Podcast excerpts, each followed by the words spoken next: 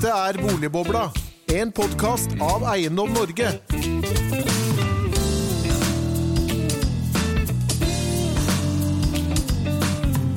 Hei og velkommen tilbake til Eiendom Norge-konferansen 2021. Da håper jeg du har fått deg litt lunsj, og kanskje også tatt en dusj. Det er greit at mamma og pappa ikke er i slåbrok når barna kommer hjem fra skolen, som ikke er så lenge til. Eh, Jeg står her med Sven Størmer Taulov fra Skipsted. Velkommen. Tusen takk skal du ha. Veldig hyggelig at eh, du kunne være med oss. Eh, Jeg, jeg, tror, jeg tenkte litt på det. Mange med meg tror jeg ikke er helt sånn sikre på Jeg vet at Skipsted, jeg vet at dere eier masse aviser og at dere eier Finn og sånn, men, men driv, hva, hva gjør dere som sitter på kontoret på Skipsted? Hva, hva driver dere med, egentlig? Ja, Nede i kjelleren min, i hvert fall. Så ja. ja, vi, eh, vi driver og både utvikler og drifter tjenester, stort sett digitale tjenester. Vi printer jo noen aviser enda, men eh, digitale tjenester til eh, sluttforbrukere i hele Norden. er i praksis det vi gjør. Så dere er fullt operative? Bare eier, det er ikke sånn at dere bare eier ting, og så Nei. skjer alt i de selskapene? Nei, Det er et konsern, så, så vi opererer som et industrielt konsern hvor vi gjør ganske mange ting i, i felles i selskapet også. Akkurat. Hva, hva, hva er det dere gjør hos dere som dere da ikke legger ut av de teknologiske Det er kanskje Noe av det viktigste vi gjør, er at vi, eh, vi jobber med data. Dere, og Det som kanskje brukeren ofte ser, er at man må logge inn på en tjeneste på Schibsted, om det er på Aftenposten, eller VG, eller Finn eller andre eh, selskaper som vi eier. Eh, Og Det henger liksom sammen med dataplattformen vår. da. Nettopp. Så, så det å, å behandle dataene Både samle dem inn, og behandle dem, og kurere dem, og lage verdi på dem. Nettopp. Ja. Og passe på oss som da er brukerne. Både brukerne og annonsørene. Så Begge prøver å lage verdi for eh, alle deler av de som bruker tjenester fra Skipsted. Ok, bra. Men du, da gleder jeg meg til å høre eh, hva du skal fortelle oss. Ja, ja. Tusen takk skal du ha. Da Takk skal du ha. Ok. Veldig hyggelig å treffe dere der dere sitter rundt omkring i Norge. Og I dag så skal jeg snakke litt om hvordan man skal skape gull av data. eh, Og gå litt inn i hvordan vi jobber spesielt med kunstig intelligens, eller såkalt maskinlæring på litt mer folkelig språk. Kort om Skipsted. Nå nevnte jeg jo noe til Thomas akkurat nå, men vi er jo eh, rundt 5000 ansatte. Vi består jo da av både mediehus, eh, av markedsplasser, og markedsplasser er altså selskaper som Finn. Eh, og vi har også en rekke andre selskaper, f.eks. innenfor finansielle tjenester. Vi er jo basert både i Norge, Sverige, Danmark og Finland. Og det som tidligere var Finn-selskapene våre utenfor Norden, er nå over i et, i et større selskap som heter Adevinta, som er på, på Oslo Børs. Og Det vi jobber med som en visjon, det er jo at vi skal empower people in their daily lives. Enten for å være, være provided transparent and secure marketplaces, som vi sier, altså sikre markedsplasser. Eh, Vi skal gi dem tjenester som gir dem bedre dealer. Eller vi skal forsvare eh, friheten og editorial integrity i et demokrati. Vi er en familie av, eh, av mange brands som jobber sammen. Og som jeg sa til Thomas, vi jobber industrielt, ikke kun som, som eiere. Og Her er laget en liten illustrasjon som er, eh, som er kanskje veldig relevant for dere. Det er et kjøpesenter med en eh, rekke brands hvor kundene kommer bussa inn fra de store økosystemene, som vi kaller dem. Enten fra Google eller om det er fra Apple.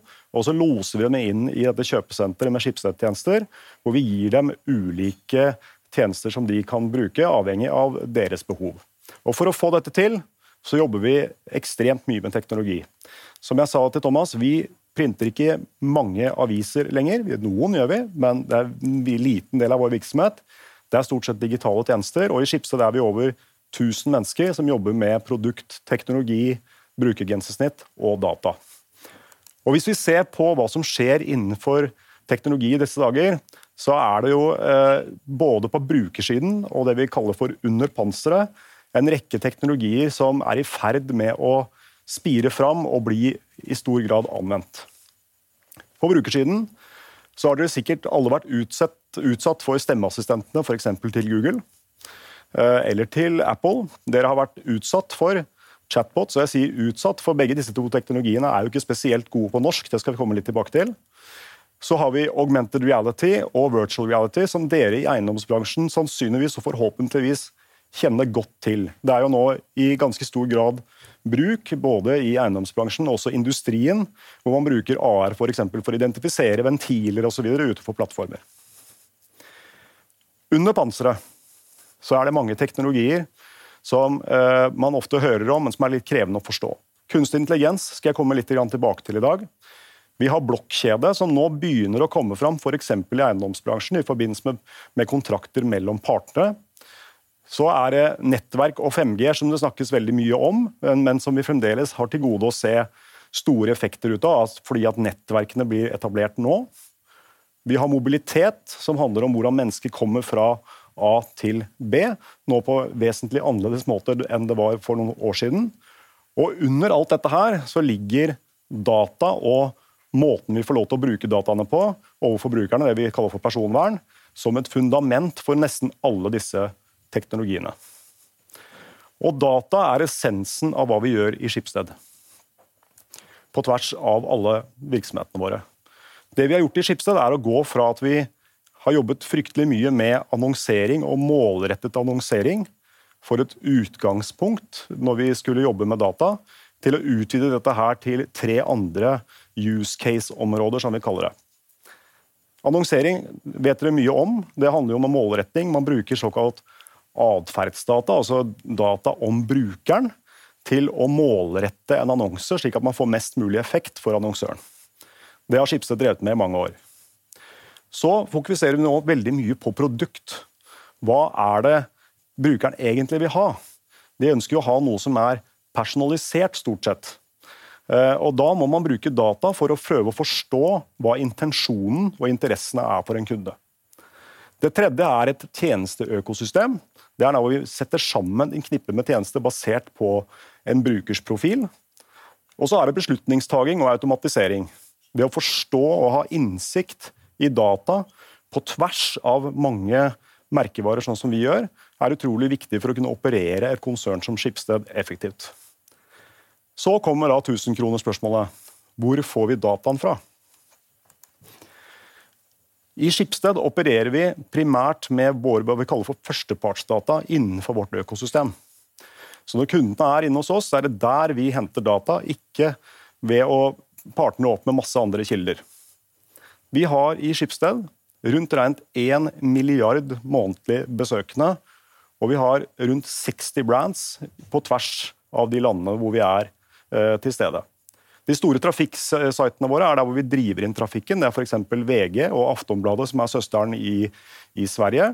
Og så har vi våre store markedsplasser, Finn og Blokket og dets like, Torre i Finland, Den blå avis snart i Danmark, hvor vi opererer med transaksjoner.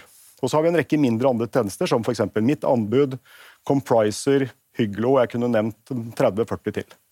Så vi henter data fra alle disse tjenestene, og så skaper vi merverdi basert på det, slik at våre brands får rikere datasett enn det de ville kunne fått alene. Og da skaper vi bedre tjenester sammen. Men å få tak i denne dataen er blitt vesentlig mer krevende for alle i industrien som ikke er Google eller Facebook eller Apple. Det som skjer nå, det er at gigantene er i ferd med å bli såkalte portvoktere og regulatører overfor dataene, altså de persondataene, ikke industridata, men persondata, eh, og implementerer ting i sin teknologi som gjør det vanskeligere for andre enn dem selv å hente data. Eh, og Det betyr at de i realiteten nesten er strengere enn det Datatilsynene er, men de gjør dette her tilsynelatende som eh, noe som er bare for brukeren, men det er også for dem selv. Så de skaper seg sterkere posisjoner ved å gjøre en del av de grepene som er nå, som er en utfordring for alle mindre selskap i, i verden som ikke er dem selv. Og Det vi ser nå er, det har dere kanskje hørt om, noe som heter cookies. Hver gang dere går inn på nettside, så skal dere akseptere at man dropper noen cookies eller ikke. Det er en, en, en teknologi som står for fall. Og Det er vel kanskje mange av oss som gleder oss over som brukere, men det skaper ganske mange utfordringer i, i, markedet for de som jobber med internett som hoved, hovedplattform for å skaffe seg brukere og kunder. Det gjør dere i eiendomsbransjen, og dere gjør det stort sett i alle andre industrier. Nøkkelen for å få tak i data i tiden framover, det er login. Og det vil si at Du må få brukerne dine til å logge inn på din site og være med i f.eks. et lojalitetsprogram, eller at de logger seg inn for at det er eh, andre grunner til å være i tjenesten i en logged in state, som vi sier. Og Da kan man i utgangspunktet handle, da, hente data basert på hva brukeren aksepterer. Så eh, Det vi f.eks. har gjort nå, det er at vi kobler data fra våre annonsørers CRM-systemer. Og Så gir man en kundeliste på de som er i sitt lojalitetsprogram f.eks. Og så sørger vi for at vi treffer deres kunder når de er inne på våre flater. Dette har vi bl.a. gjort med Norgesgruppen ganske ekstensivt. Det er et produkt som heter Schibsted Match. Og Da bruker vi rett og slett eh, effekten av at brukerne er logga inn for å skape målrettet reklame som ikke er basert på den gamle teknologien cookies, eller kaker, som man også kan kalle det.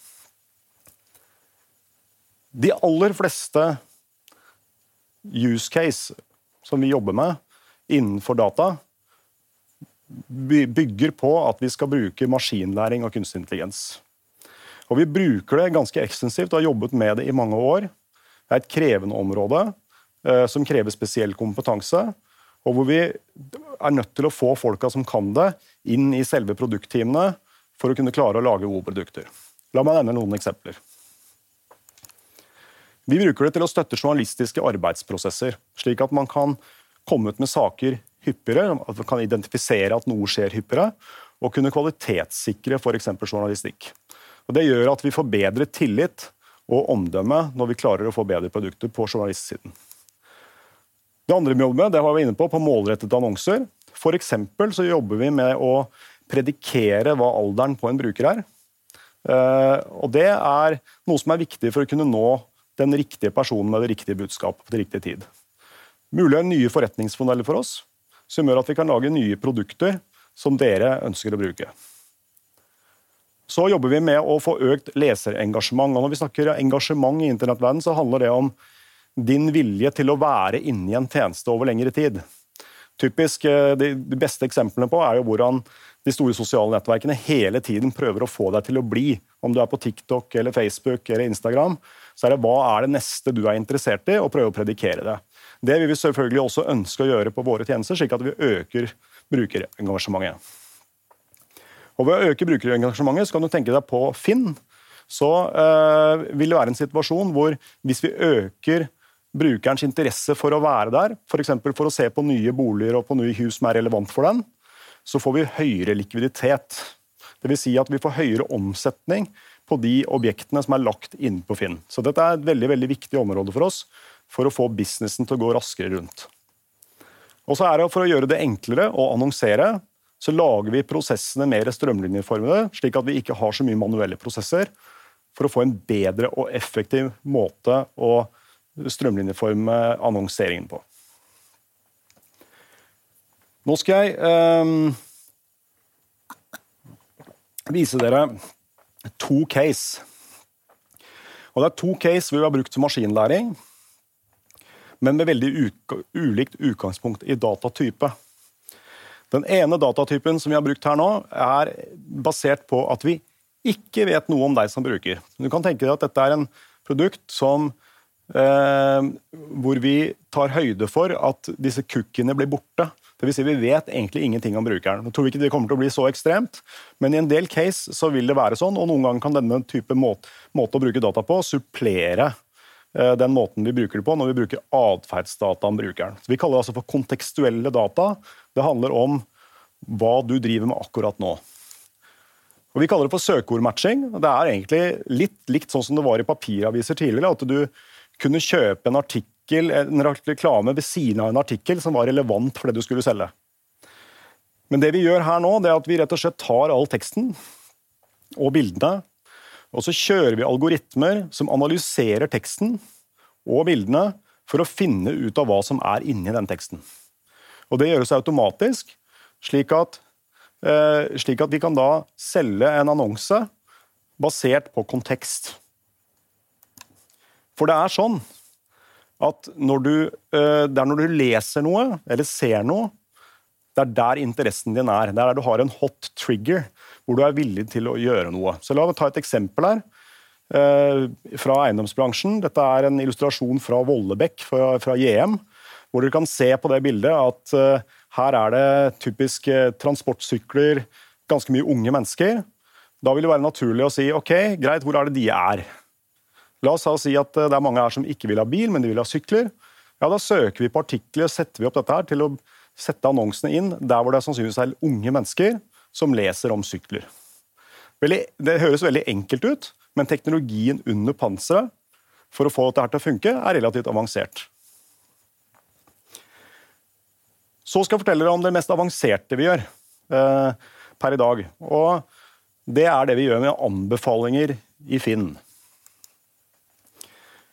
Og hvis dere bruker Netflix, hvis dere bruker Spotify De aller fleste tjenester i dag har en ganske ekstensiv motor under som jobber med å anbefale deg hva er det du skal se på eller høre på eh, neste, gang du skal, neste, neste gang du skal høre på noe i noe. Det er akkurat samme type teknologi vi bruker her. Og i Finn så er det slik at vi har om rundt 200-300 millioner signaler per dag som vi bruker til å få brukeren til å se de riktigste produktene ved første klikk. Det høres rørende enkelt ut. Det er ganske vanskelig.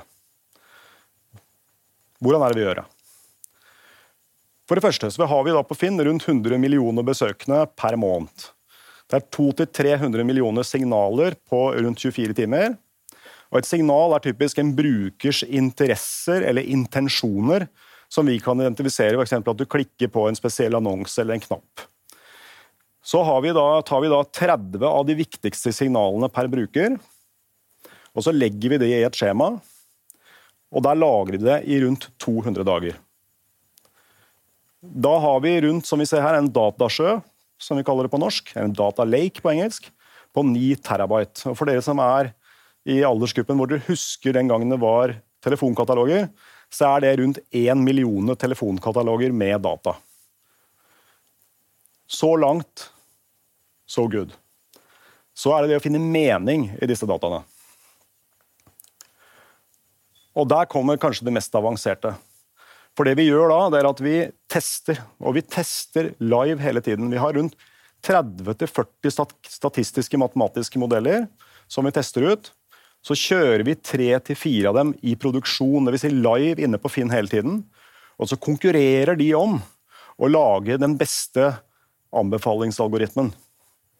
Hvem er det dem som gir såkalt best, best click-through rate? Hvem er det som gir best konvertering til et kjøp?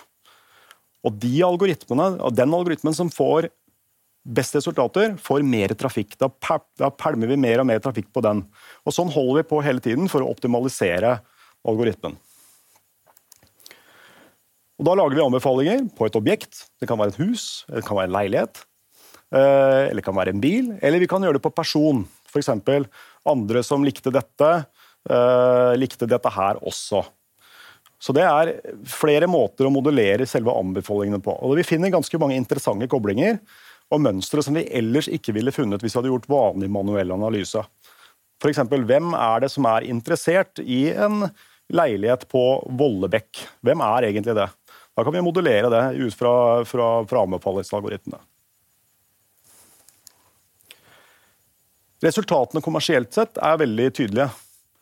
Det sier at vi har en anbefaling gir en click-through rate på rundt 30 eh, Vi genererer rundt 10 000 klikk i minuttet på anbefalinger og 15% av trafikken inn til et objekt, altså en, et hus eller en leilighet, drives fra anbefalinger.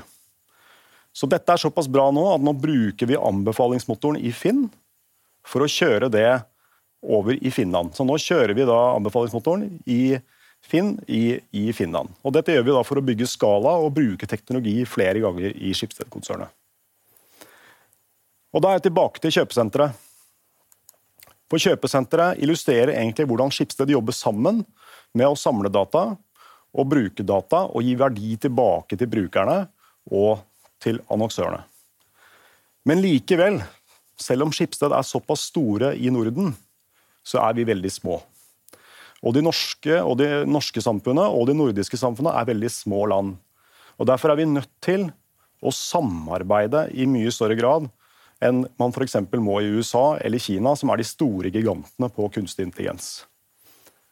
Så det vi har gjort i, i Skipsted, det er å gå sammen med store norske industrielle aktører, og noen av dem mindre, men veldig lovende, som f.eks. Cognite, i såkalte sentre for innovasjon, som opprettes av Forskningsrådet. Det er de største satsingene til Forskningsrådet.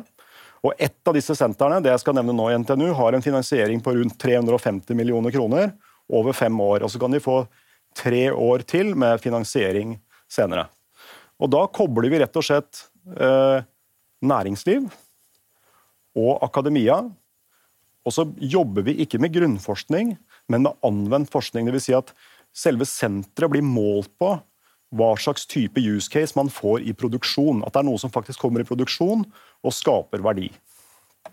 Så dette er en vekstmotor for, for, for Norge, norsk næringsliv, sammen med Forskningsrådet og med universitetene. Det som er kjernen i kunstig intelligens når det gjelder det vi jobber med i Skipsted, og som er viktig for Norge framover, det er det vi kaller for språkmodeller. Jeg skal avslutte med det, for det er såpass sentralt og kanskje ikke så veldig godt kjent. Men du kjenner det igjen når du prøver å snakke norsk med Google eller med Apple. Det er resultater hvor du ofte begynner å le fordi det er for dårlig. Og Språkmodeller er det fundamentale teknologien for å få til tale til tekst eller tekst til tale. Det krever enorme mengder data for å lage språkmodeller, og det krever enorm datakraft. Og Hvis du ser på det på, på høyre siden av sliden her, så er det språkmodellen gjør, er å rett og slett estimere hva sannsynligheten for neste ord er her. Her er det illustrert med 'The students open there'. Og så sier eh, språkmodellen da hva er sannsynligheten for at det er laptops eller books. Så altså må språkmodellen kunne forstå kontekst. Det er f.eks. forskjell på at veggen at jeg er blå i ansiktet, eller at jeg er blå, nemlig at jeg er deprimert. Denne type ting skal språkmodellene forstå. Og Så er det spørsmål da, hvorfor er det viktig? Språkmodeller er viktig fordi det nordiske samfunnet er basert på konkurransedyktighet som er drevet av automasjon fordi vi har så høye lønninger. Og Da kommer det ikke industrielle roboter inn i, i, i, bildet, men da kommer de sosiale robotene inn i bildet. Det er de robotene som kan ha en sosial interaksjon mellom en menneske og en maskin. Og For å få det til så må vi ha kraftige språk, språkmodeller. Og Språkmodellene gjør at, vi, gjør at vi må ha kraftige datamaskiner, eh, og vi må ha supercomputere. Der ligger Norge etter. Per i dag har Norge en supercomputer på 6,7 teraflop, det er petaflops. Sverige har 300 petaflops. Og så har Norge en andel på 2% av en supercomputer i Finland på 550 petaflops. Men 2% av 550 petaflops det er ikke mye over et år. For å gi dere en indikasjon på dette, her, så er 550 petaflops computerkraften til 1,5 millioner laptoper. Så det jeg vil si er at jobbe med data og jobbe med kunstig intelligens Vi er i startgropa. For å være konkurransedyktig i Norden så er vi nødt til å jobbe sammen for å kunne klare å lage gode lokale tjenester for brukere og for annonsører. Så med det så tenkte jeg skulle si tusen takk for meg, eh, og overlate ordet videre Da skal det fortsette å handle om data. Nå skal vi få eh, et innlegg fra eh, regjeringen, nærmere bestemt ved distrikts- og digitaliseringsminister Linda Hofstad Helleland. Hei, og takk for at jeg får lov til å innlede for dere i dag. Og presentere regjeringas politikk for datadrevet økonomi og innovasjon, og hvordan det kan bidra til å utvikle eiendomsbransjen videre. Jeg er glad for at dere har valgt å bruke en del av denne konferansen på nettopp digitalisering og data. Eiendomsbransjen er jo på mange måter både i front og litt bak løypa når det gjelder bruk av data. Når det gjelder deling og bruk av geodata og eiendomsinformasjon, så er vi kommet veldig langt i Norge. Både i offentlig sektor og i næringslivet. Slike data brukes aktivt i planprosesser og eiendomsutvikling. Samtidig så vet vi at den bransjen som setter opp byggene, og er en av de minst digitaliserte næringene i Norge fortsatt. Heldigvis så jobbes det nå aktivt med å øke digitaliseringsgraden. Det er viktig dersom vi skal nå målene om sirkulærøkonomi og bærekraft. Vi vet at data er avgjørende for å sikre sporbarhet og dokumentasjon av materialer. Digitale bygningsmodeller gjør at man kan simulere klimagassutslipp med ulike materialvalg, planløsninger eller systemer for oppvarming. Dette er med andre ord en bransje der potensialet er kjempestort. Vi vet at den datadrevne økonomien kommer til å få stadig større betydning. Ikke bare for bygg og eiendom, men for verdiskaping i hele landet vårt. Derfor var det viktig for meg å få lagt fram den aller første meldinga til Stortinget om dette temaet. Den kom rett før påske. Og denne meldinga er ikke bare den første i sitt slag i Norge. Vi er faktisk et av de første landene i Europa som nå lanserer en egen datastrategi. Og målet vårt er at Norge skal skape mer verdier og flere nye arbeidsplasser i hele landet med data som ressurs. Data utgjør allerede en stadig større andel av verdiskapinga i mange næringer. Likevel er det et stort potensial for vekst i den norske dataøkonomien i årene framover. Ifølge Menon Economics er potensialet for databasert verdiskaping i Norge på ca. 300 milliarder kroner innen 2030. Dette utgjør ca. 7% av BNP og vil bety at data passerer verdiskapinga i norsk oljevirksomhet. Dersom vi skal lykkes med dette, så er det noen viktige forutsetninger som må på plass. Infrastruktur, kompetanse og evne og vilje til å dele og bruke data. Så jeg vil først si litt om nødvendigheten av god infrastruktur. Så Sent som forrige fredag så la jeg frem en melding til Stortinget om vår digitale grunnmur. Det gjorde jeg bl.a. fordi jeg mener det er helt avgjørende at næringslivet i hele landet har tilgang til en solid digital infrastruktur. Regjeringa har gjennom flere år jobba med å legge til rette for rask utbygging av 5G i hele landet. 5G er en viktig forutsetning for utviklinga innen intelligente transportsystemer, smarte byer, smart industriproduksjon og annen utvikling som er avhengig av innhenting og behandling av store datamengder i tilnærma samtid. Og Ved utgangen av 2020 så hadde 90% av norske husstander mulighet til å koble seg til bredbånd på minst 100 megabit per sekund. Det var i tråd med de offensive målene vi satte oss tilbake i 2016. Og dem nådde vi altså like før jul. Men nå har vi satt et nytt mål. Innen 2025 så skal alle husstander og virksomheter i Norge ha mulighet til å koble seg til høyhastighetsbredbånd. Tidligere i år så lanserte vi en storsatsing på høyhastighetsbredbånd i distriktene.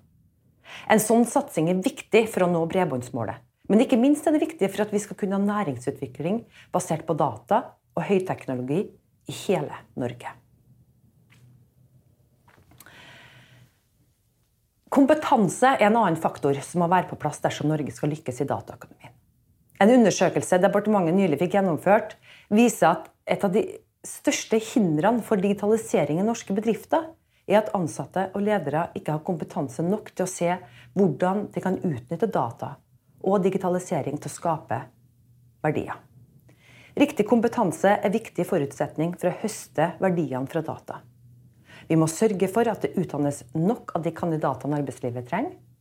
Og vi trenger teknologispesialistene og vi trenger folk med strategisk IKT-forståelse. Derfor legger vi til rette for mer etter- og videreutdanning og øker antall studieplasser innenfor teknologi og IKT. Den siste faktoren for å lykkes i dataøkonomien er også hovedtema i meldinga, nemlig tilrettelegging for mye mer deling og bruk av data. Virksomheter må se verdien av egne og andres data, og hvordan de kan brukes til å skape nye forretningsideer eller til å forbedre produkter og løsninger. På noen områder har norsk næringsliv kommet langt når det gjelder samarbeid om data f.eks. innenfor olje og gass og geodata. I andre næringer, som sjømat, landbruk eller marin sektor, så er det satt i gang initiativer for å dele data, ofte i regi av klynger eller næringsforeninger. Dette er viktige initiativer som styrker norsk konkurransekraft. Samtidig vet vi at det er utfordringer knytta til deling av data i næringslivet. Det kan være krevende å avklare ansvar og eierrettigheter, og virksomhetene ønsker ikke å gi fra seg informasjon som kan være konkurransesensitivt. Derfor ønsker jeg å opprette en tverrfaglig ekspertgruppe for industridata som skal se på retningslinjene for det her. Innovasjoner og nye ideer oppstår gjerne i oppstartsmiljøer og hos gründere, og regjeringa vil derfor gjøre data av god kvalitet fra offentlig og privat sektor enklere tilgjengelig for små og mellomstore bedrifter. Det gjør vi bl.a. gjennom opprettelsen av Datafabrikken, et samarbeid mellom Digitaliseringsdirektoratet og Digital Norway. Datafabrikken skal tilby veiledning og kvalitetsdata fra offentlig og privat sektor til utvikling av nye datadrevne forretningsideer, tjenester og produkter. Offentlig data er en viktig kilde til innovasjon og næringsutvikling. De siste ti årene har Norge lagt ned en betydelig innsats for å tilgjengeliggjøre og dele offentlige data, men vi må bli enda bedre.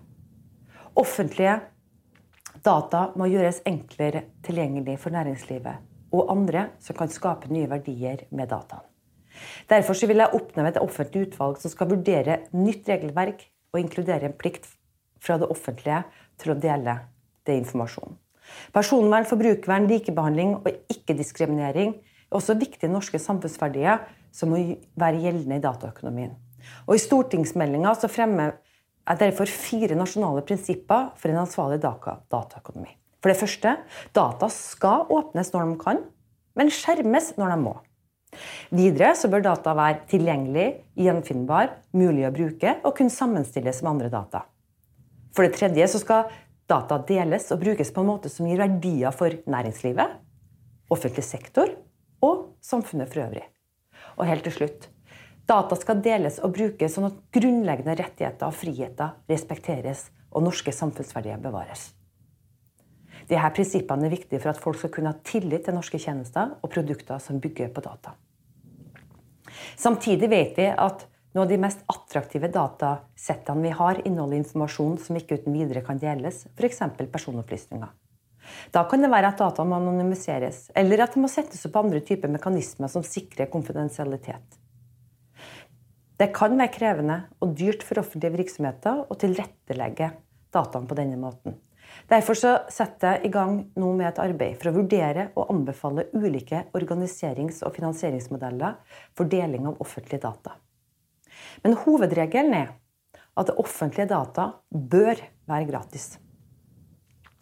Undersøkelser viser nemlig at det kan være samfunnsøkonomisk lønnsomt å tilby offentlige data gratis fremfor å ta betalt. I Digital agenda for Norge så er det pekt på fem områder hvor regjeringa skal styrke innsatsen for å gjøre offentlige data åpent tilgjengelig. Kart- og eiendomsdata er ett av de her, og har hatt stor betydning for modernisering av eiendomsbransjen allerede. Nøyaktige terrengmodeller fra land til vann og detaljert kattdata og eiendomsdata gir store muligheter for ny næringsutvikling og bedre samfunnsplanlegging. Derfor vil regjeringa øke bruken av geodata og det, ha, det, vil ha en positiv effekt på dataøkonomien i Norge. For vi ser allerede eksempler på spennende norske oppstartsbedrifter som bruker denne type data. Spacemaker har utvikla et produkt for eiendomsutviklere der det presenterer forslag til utbygging av tomter ved bruk av kunstig intelligens. De benytter matrikkelen for informasjon om tomter, detaljerte kartdata fra kommunene og meteorologiske data om vindforhold og solbaner. Selskapene Loopfront og Material Mapper er to startups som jobber med løsninger for sirkulærøkonomi i byggebransjen. Gjennom løsninger som samler inn og analyserer data om bygg både fra næringa sjøl og offentlige aktører, vil de bidra til mer gjenbruk av byggematerialer. Energiselskapet Ottovo leverer solceller for vanlige husholdninger. I stedet for å gjennomføre befaringer hos nye kunder for å vurdere potensiell strømproduksjon, så kan prosessen delvis automatiseres ved å kombinere eksisterende kart og eiendomsdata med åpne data om solforhold. I 2018 så anslo Ottovo at de hadde spart rundt 300 millioner kroner på å utnytte slike eksisterende datasett. Slike spennende selskaper som utnytter tilgjengelige data, vil vi gjerne se mer av. Og flere tilgjengelige datasett og bedre tilrettelegging kan gjøre det enda enklere for bedrifter å utvikle innovative brukerløsninger med geodata. Vista Analyse har beregna at den samfunnsøkonomiske nytten av gratis kart- og eiendomsdata vil være på minst 70 millioner kroner årlig, og at det trolig vil gi en økt sysselsetting på mellom 300 og 700 personer. Regjeringa vil derfor gjøre det enklere å utvikle løsninger basert på eiendomsdata. Data om eiendom fra grunnbok og matrikkel skal bli gratis tilgjengelig. I tillegg foreslår regjeringa at data om eiendomsforhold fra tinglysning og eiendomsregistrering gjøres fritt tilgjengelig. Det vil gi lavere kostnader for kjøperne av data, og vil kunne bidra til utvikling av nye digitale tjenester. I stortingsmeldinga legger vi frem visjonen for dataøkonomien. Ikke bare for bygg og eiendom, men for alle bransjer og næringer over hele landet. Og det er nå den virkelige jobben begynner. For skal vi lykkes og de målene og ambisjonene vi nå har satt oss for Norge, så er vi avhengig av et tett og godt samarbeid mellom offentlig sektor og næringslivet. Men også mellom bedrifter og næringer. Jeg vet at dere allerede er godt i gang. Men som jeg sa innledningsvis, potensialet er fortsatt stort, og derfor er jeg spent på å følge dere i fortsettelsen. Jeg tror vi kommer til å se store resultater. Lykke til med den videre konferansen, og takk for meg. Tusen takk til Linda Hofstad Helleland for et flott innlegg. Og nå har vi faktisk samlet et flott panel som skal se på mulighetene for bruk av offentlige og private data. Vi skal også se litt på hva som bør være rollene for aktørene. Og Jeg begynner til venstre. Øystein Eriksen Søreide, eh, administrerende direktør i Abelia. Eh, vi har nummer to, Hege Mo Tveit, direktør for strategi og forretningsutvikling i Ambita. Så har vi Gry Arnesen, som er Wise Vice President for Data Driven Services i Tieto Evry.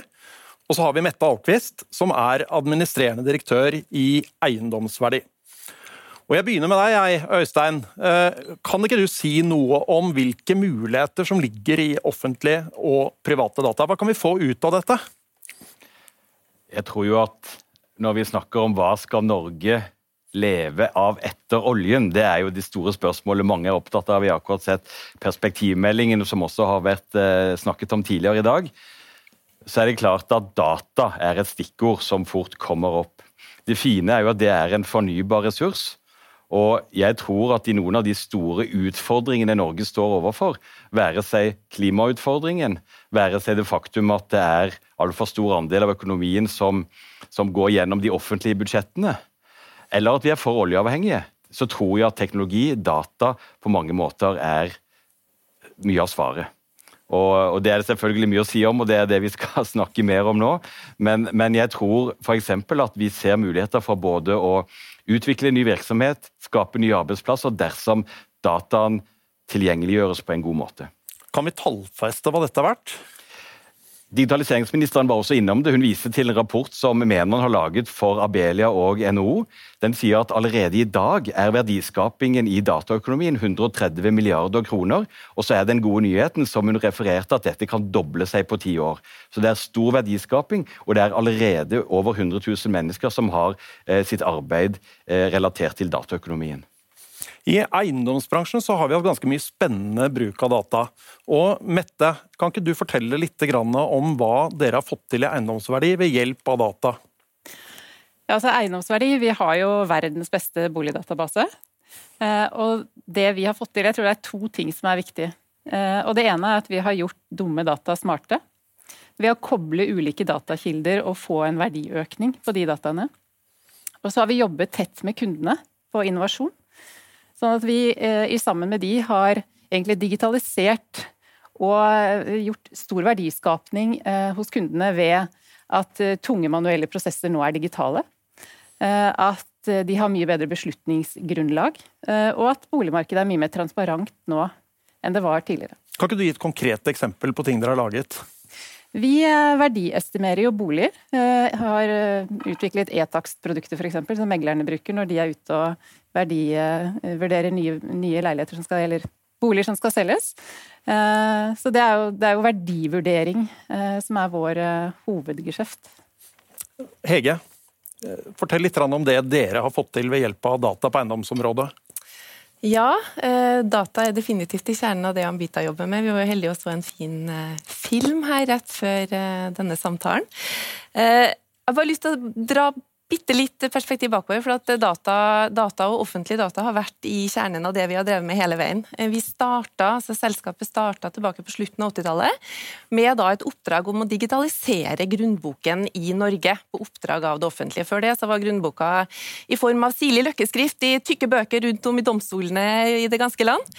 Eh, så, så, sånn sett så var liksom det offentlige Norge tidlig ute med å ta grep og, og, ønske å digitalisere et viktig datasett, og også for så vidt være sikker på at det ble tilgjengelig for markedet. Eh, så, så, vi hadde lenge rollen med å være den, den, distributøren ute i markedet, helt fram til 2014, og nå er det da Statens kartverk som distribuerer. Så, så, data definitivt i kjernen. Offentlig data er kjempeviktig. Vi leverer løsninger som eh, bidrar til å digitalisere eiendomsmarkedet sett bredt. Vi bruker offentlig data, men vi bruker også et bredt spekter av private kilder, bransjekilder og etter hvert stadig flere da brukergenererte data. Og hva er det vi bruker dataene til?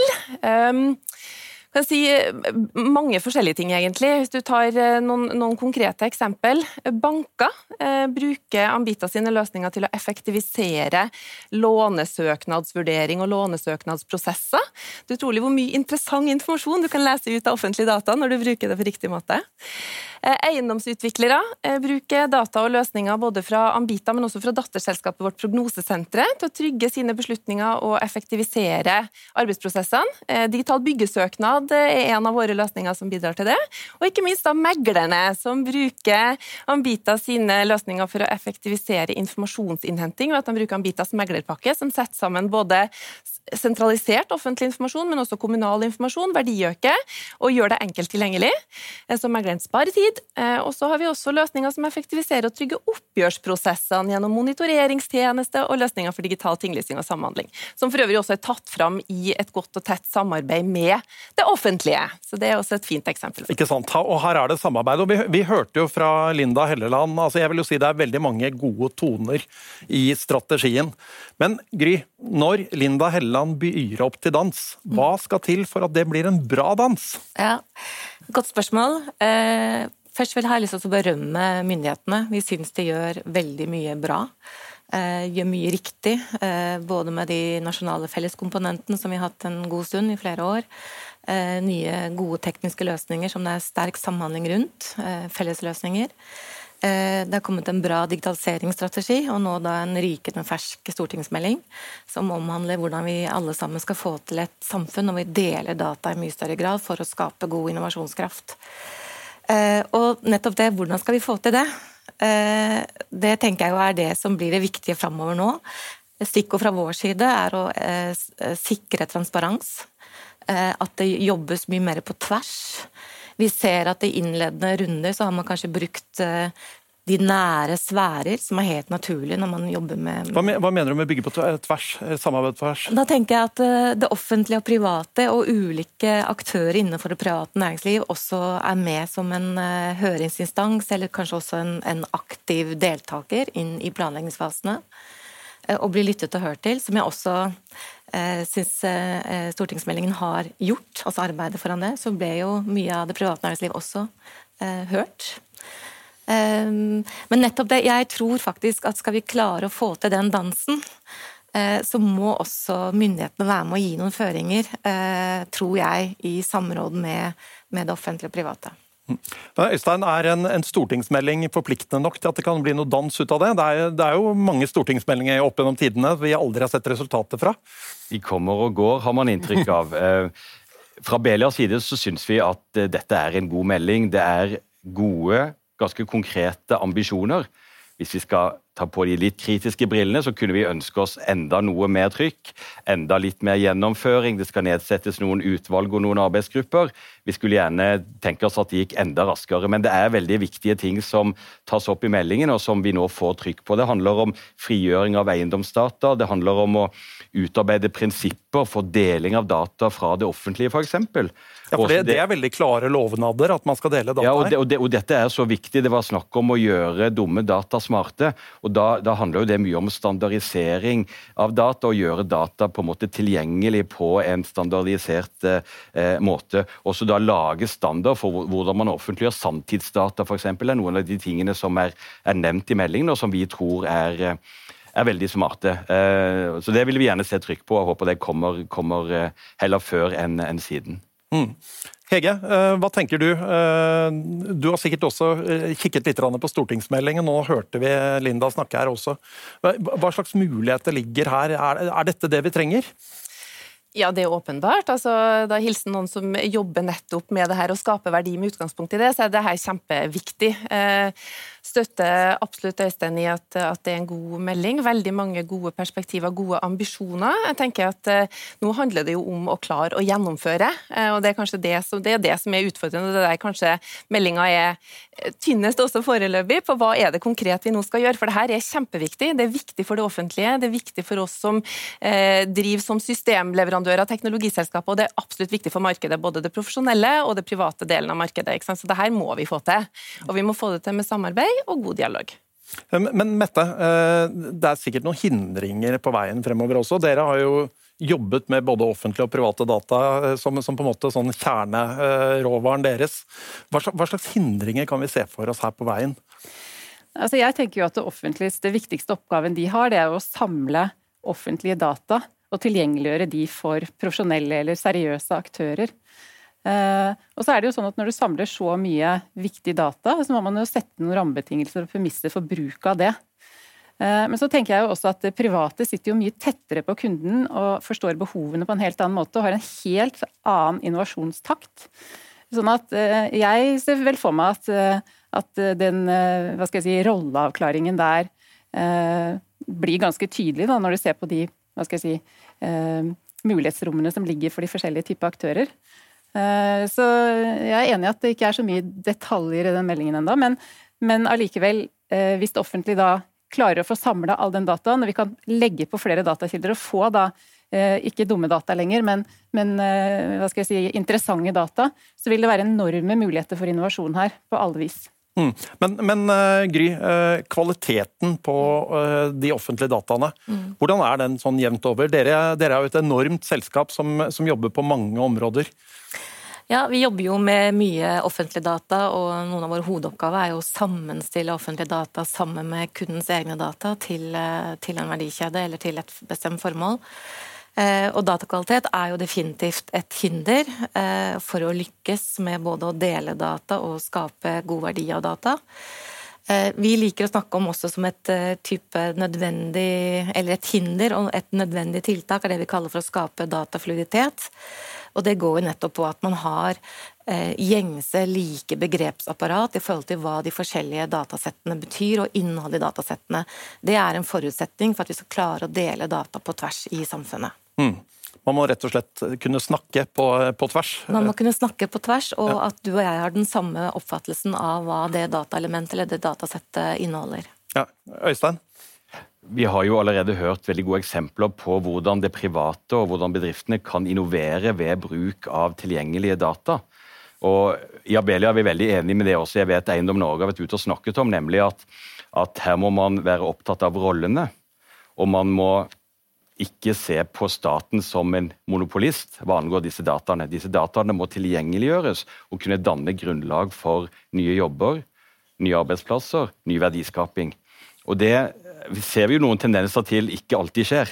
Det er eh, mange steder en tendens til at man, man begynner å utvikle også de nye produktene og nye tjenestene innenfor rammen av offentlige etater og virksomheter f.eks. Der mener nok vi at man må få til et bedre samspill mellom det private og offentlige. Hege? Jeg bare følger opp litt på det, jeg er veldig enig. Eh, og jeg tenker at Mette var innom det, vi, vi som sitter som systemleverandører, vi har en viktig rolle som brobygger her. Mm. For vi er tett på kunden, forstår kundens problemer, er problemløsere. Og vi må da snu oss og bruke den innsikten og kompetansen til å hjelpe det offentlige, til å sikre at vi tar tak i de riktige tingene først. For det er stor forskjell på altså det, er viktig å starte i riktig ende og prioritere de viktige tingene først, som skaper størst verdi der ute. Og, og kunden kan like gjerne være en kommune som en, og en privat aktør? Eller en forbruker, eller en eiendomsmegler, eller hva det nå måtte være. Men her sitter vi et bredt spekter med systemleverandører som dekker det markedet, som jeg tenker vi har en viktig, viktig rolle i, i akkurat den brobygginga. Mm. Mette? Men jeg tenker jo også at eh, det at datakvaliteten ikke er helt på topp, det skaper jo også masse muligheter. da. Mm. Ikke sant? Vi kan ikke bare sitte og peke på at det offentlige må fikse de datakvalitetsutfordringene. Det kan vi jo hjelpe dem med. Mm. Eh, så jeg tror at det er vel også private aktører som kanskje har mer detaljert data og sitter tettere på kundene, eh, kan bidra på en veldig god måte. Men, men, dette med den rolledelingen det synes jeg er et veldig, veldig viktig spørsmål. Altså, jeg, jeg, skjønner det er fristende å kaste seg ut i det hvis det ligger mye spennende data der. Men, men hvordan ser du dette kan løses, Gry, på en, en, optimal måte? En rolledeling mellom privat sektor og det offentlige. Hvem skal gjøre hva, egentlig? Ja, Jeg har ikke endelig fasitsvar på det, selvsagt. Men jeg tenker at det viktigste er jo å innlede en, en, en dialog, en avklaring på hvordan skal vi utnytte styrken og kompetansen i, i det totale næringslivet. Da tenker jeg både offentlig og privat. Jeg er helt enig med Hege. Vi som eh, tekniske leverandører eller systempartnere eh, også har en klar eh, rolle og et ansvar i dette til å veilede og rådgi. Eh, og som kjenner på pulsen hva, hva, data kan løse, og hva data kan skape av utfordringer. Eh, og Der må jo vi komme på banen og ta en veldig aktiv pådriverrolle. Og så tenker jeg i forhold til eh, samspillet mellom offentlig og privat sektor, så tror jeg det er viktig at også det eh, offentlige bruker eh, det private næringsliv. Ikke bare selvfølgelig eh, bruker oss på konsulentbasis, som igjen kan gjenbruke på andre områder i, i, samfunnet, men også at vi lager felles tjenester, og at den datadrevne tjenesteutviklingen også kan skje i det private næringsliv. Ja, Linda Helleland sa jo 'dele hvis man kan', ja. og på en måte holde, holde hvis man må. men Øystein, du, du, mener at eh, her er det risiko for at man kanskje holder på, på litt for mye? Ja, vi ser noen tendenser til det. Og så tror jeg at eh, dette dras jo også opp i, i, stortingsmeldingen. og Jeg har tro på at man skal kunne klare å bli litt, bli litt, mer bevisst på denne avklaringen. Så får vi se hvilken vei de politiske vindene blåser uh, utover høsten. Men, men, men, at de private må spille en rolle her. og at Når du spør hva bør være det offentliges rolle, så mener jeg helt klart at det skal være kapasitet og kompetanse også i de offentlige virksomhetene. Mm. Men det må være til f.eks. å gjøre gode anskaffelser. Det må være på dataforvaltning, særlig ut fra det vi har snakket om allerede her i dag.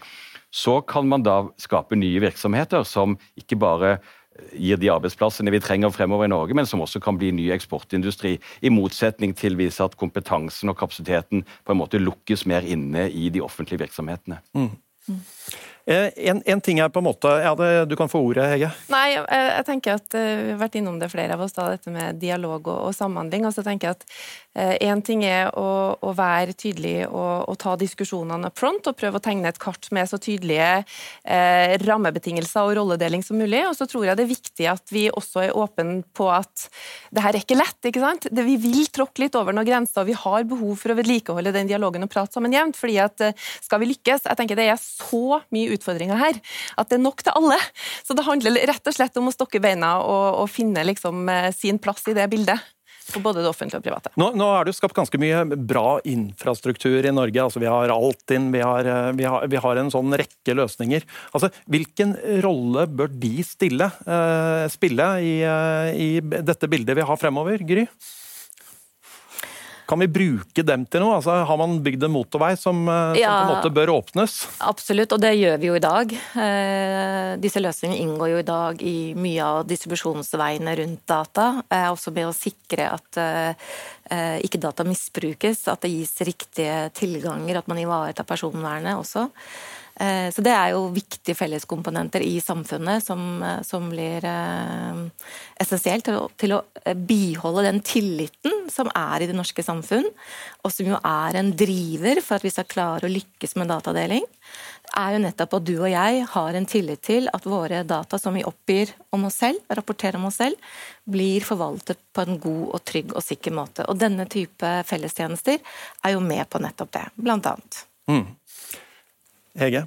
Så tenker jeg at Der er det også viktig å se på når er det vi bruker felleskomponentene, og når er det vi lar markedet eh, bruke sin innovasjonskraft og kunnskap om, om, eh, de profesjonelle aktørene til å lage løsninger som det faktisk er betalingsvilje for. Så Det er en balansegang det også, ikke sant? på hva er det vi nå skal bruke de offentlige midlene på, når vi har så store utfordringer som vi tross alt har. Mm. Ja, Mette?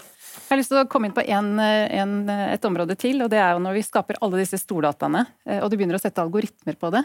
Det å sant, sette eh, litt rammer og retningslinjer som er, sant, det er etiske problemstillinger, det er politiske problemstillinger, det er praktiske problemstillinger som må løses. Det er en oppgave som det offentlige må ta på alvor, og det tror jeg de gjør òg. Men at vi da får lov å innovere på det, men innenfor visse, visse rammer. Og så handler det også om å ikke la disse store aktørene stikke av med alle dataene våre. ikke sant? Sånn at vi har kontroll på hvor de er og hva de brukes til. Gry? Og så har jeg lyst til å legge til at jeg tror eh, det er viktig at vi er også åpne for å diskutere nye og andre typer forretningsmodeller. At vi er villige til å gå inn og teste hypoteser og avdekke og finne ut og innovere sammen. Eh, der ser vi en veldig veldig positiv utvikling nå, syns jeg. Både til dels enkelte offentlige sektorer, eh, men også innenfor det private, hvor vi ser på helt nye samhandlingsmodeller og, og businessmodeller enn det vi kanskje har hatt før. Øystein? Et, en av de andre ambisjonene i, i, meldingen som vi har diskutert, det er å legge mer til rette for bruk av digitalt samtykke. Altså med andre ord det, det offentliges ansvar for å sikre tilliten inn ut mot befolkningen, og at vi kan få enda mer effektive digitale kommunikasjonsmuligheter. Det tror jeg også er en viktig del av hva som er det offentliges rolle. Så det er jeg glad for at man også har sagt at man vil ta, ta fatt i. Eh, eh, det er, det er, vel kanskje litt sånn her at I gamle dager så dro man til Silicon Valley og kikket på hva de gjorde der. Dere forteller jo nå om en fremtid hvor man, hvor man kanskje kommer til Norge. Eh, er dette, er, er, ligger vi på et annet sted enn mange andre land, Hege? Jeg tenker innleda med å si at Vi var tidlig ute på i hvert fall digitalisering av grunnboken og en del offentlige data. Så, så, på en del områder så tenker jeg at vi er veldig godt skodd. Eh, og jeg la merke til at digitaliseringsministeren også hadde litt samme inngang. Men på andre områder så har vi veldig mye å hente. Både i det offentlige, men også i eiendomsmarkedet og det profesjonelle delen av markedet. Her er det da masse spennende utfordringer Da er det dessverre sånn at uh, tiden løper ekstremt fort også her. Og da må vi bare si tusen takk til et flott panel.